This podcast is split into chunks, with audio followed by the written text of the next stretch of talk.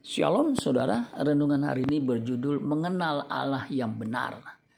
Yohanes 17 ayat 3. Inilah hidup yang kekal itu, yaitu bahwa mereka mengenal engkau satu-satunya Allah yang benar dan mengenal Yesus Kristus yang telah engkau utus. Allah Bapa adalah satu-satunya Allah yang benar.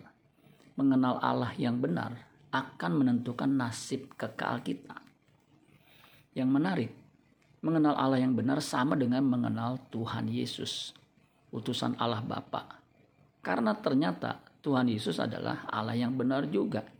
1 Yohanes 5 ayat 20. Akan tetapi kita tahu bahwa anak Allah telah datang dan telah mengaruniakan pengertian kepada kita supaya kita mengenal yang benar. Dan kita ada di dalam yang benar, di dalam anaknya Yesus Kristus. Dia adalah Allah yang benar dan hidup yang kekal. Hosea 4 ayat 6, umatku binasa karena tidak mengenal Allah. Karena engkaulah yang menolak pengenalan itu, maka aku menolak engkau menjadi imamku.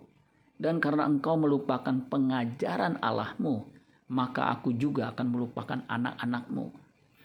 Bagi bangsa Yahudi mengenal keberadaan atau eksistensi Allah adalah sangat penting ini perintah yang paling-paling penting dalam misfot dicatat sebagai perintah nomor satu dari 613 perintah.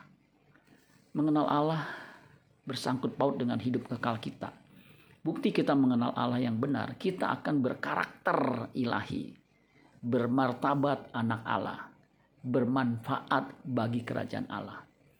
Ingatlah, jika kita menolak pengenalan akan Allah, maka kita akan binasa.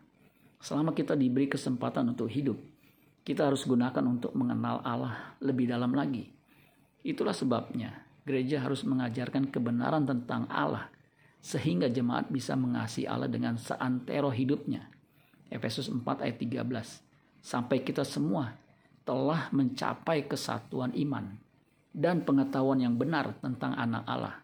Kedewasaan penuh dan tingkat pertumbuhan yang sesuai dengan kepenuhan Kristus. Bagi umat perjanjian lama yang mengenal Tuhan Allah atau Elohim Yahweh, sesungguhnya mereka juga akan mengenali Tuhan Yesus karena dia adalah gambar dan wujud Allah. Kolose 1 ayat 15, ia adalah gambar Allah yang tidak kelihatan, yang sulung lebih utama dari segala yang diciptakan. Ibrani 1 ayat 3, ia adalah cahaya kemuliaan Allah dan gambar wujud Allah dan menopang segala yang ada dengan firman-Nya yang penuh kekuasaan. Dan setelah ia selesai mengadakan penyucian dosa, ia duduk di sebelah kanan yang maha besar di tempat yang tinggi.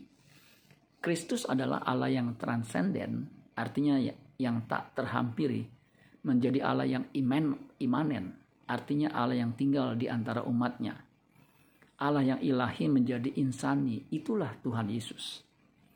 Itulah sebabnya Kristus disebut Immanuel, yang secara hurufiah artinya Allah beserta kita. Di dalam Kristus seluruh sifat dan kepribadian Allah melekat di dalam dia.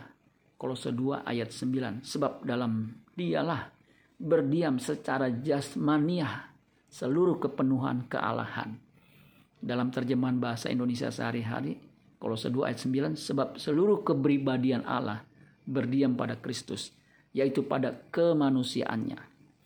Jika ada yang mengaku katanya ia menyembah Allah yang benar tapi menolak menyembah Yesus, maka dapat dipastikan ia tidak menyembah Allah yang benar, apalagi jika hidupnya berantakan.